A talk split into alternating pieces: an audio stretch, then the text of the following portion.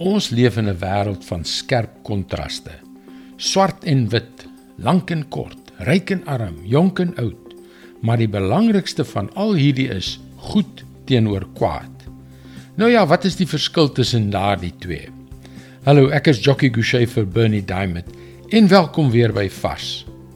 Wel, na mate die morele beginsels wat vir alle mense van toepassing is agteruitgaan, word dit al hoe moeiliker om tussen reg en verkeerd te diferensieer.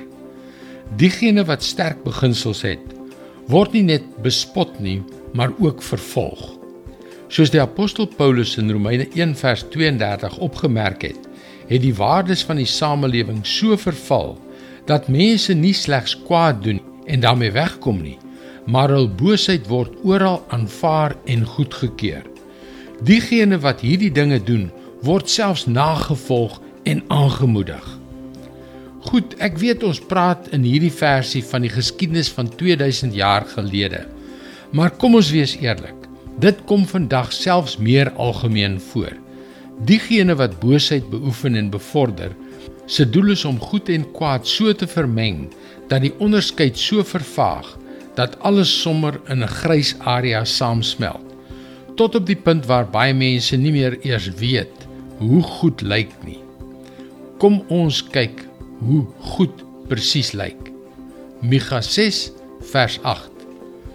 Mens, die Here het jou bekend gemaak wat goed is.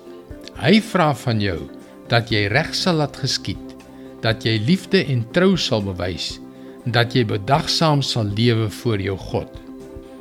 In 'n era waar ons vertel word dat vaste morele beginsels uit die oude doos is, Ja, in 'n era waar die versoeking baie groot is om toe te gee aan die verdorwe standaarde wat kamptig die norm is. Stop net daar, my vriend. Luister na God en doen goed. En wat is goed? Wat vra die Here van jou? Dat jy reg sal laat geskied, dat jy liefde en trou sal bewys, dat jy bedagsaam sal lewe voor jou God. Dis sy woord vars vir jou vandag. En my vriend, laat ek jou vertel, God eer die mens wat hom eer. Indien jy na vorige vars boodskappe wil luister, hulle is ook almal op Potgooi beskikbaar.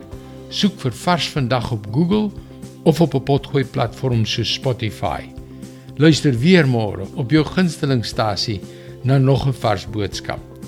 Mooi loop. Tot môre.